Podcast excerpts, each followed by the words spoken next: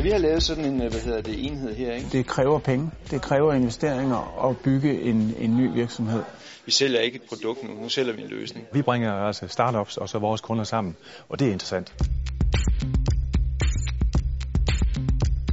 Her i huset Futurebox, der er en del af DTU Science Park, arbejdes der hver dag benhårdt på at skabe nye, succesfulde virksomheder. Vi har lavet Futurebox som et øh, iværksætterhus for deep tech startups, det vil sige startups, som er mere drevet af, de er mere teknologitunge, det er en længere rejse, de er på, øh, det tager tit lidt længere tid, det er båret af patenter.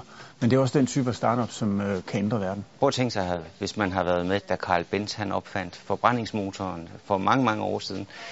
Tænk, hvem ved, hvad det er, der sidder og bliver opfundet her, som kan ændre verden fremadrettet.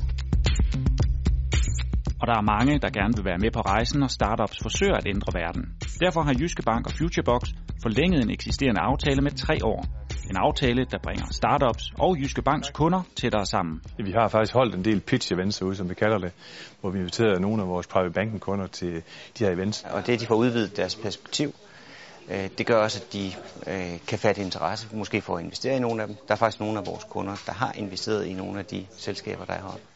Så hvis vi kan hjælpe med at få, få nogle af de fundamentals, som jeg så må sige, på plads, og vi så i samarbejde kan være med til at skaffe noget, noget finansiering i de tidlige øh, faser, så øh, når vi har skabt nogle gode, succesfulde virksomheder, så synes jeg, vi er øh, kommet et godt stykke vej.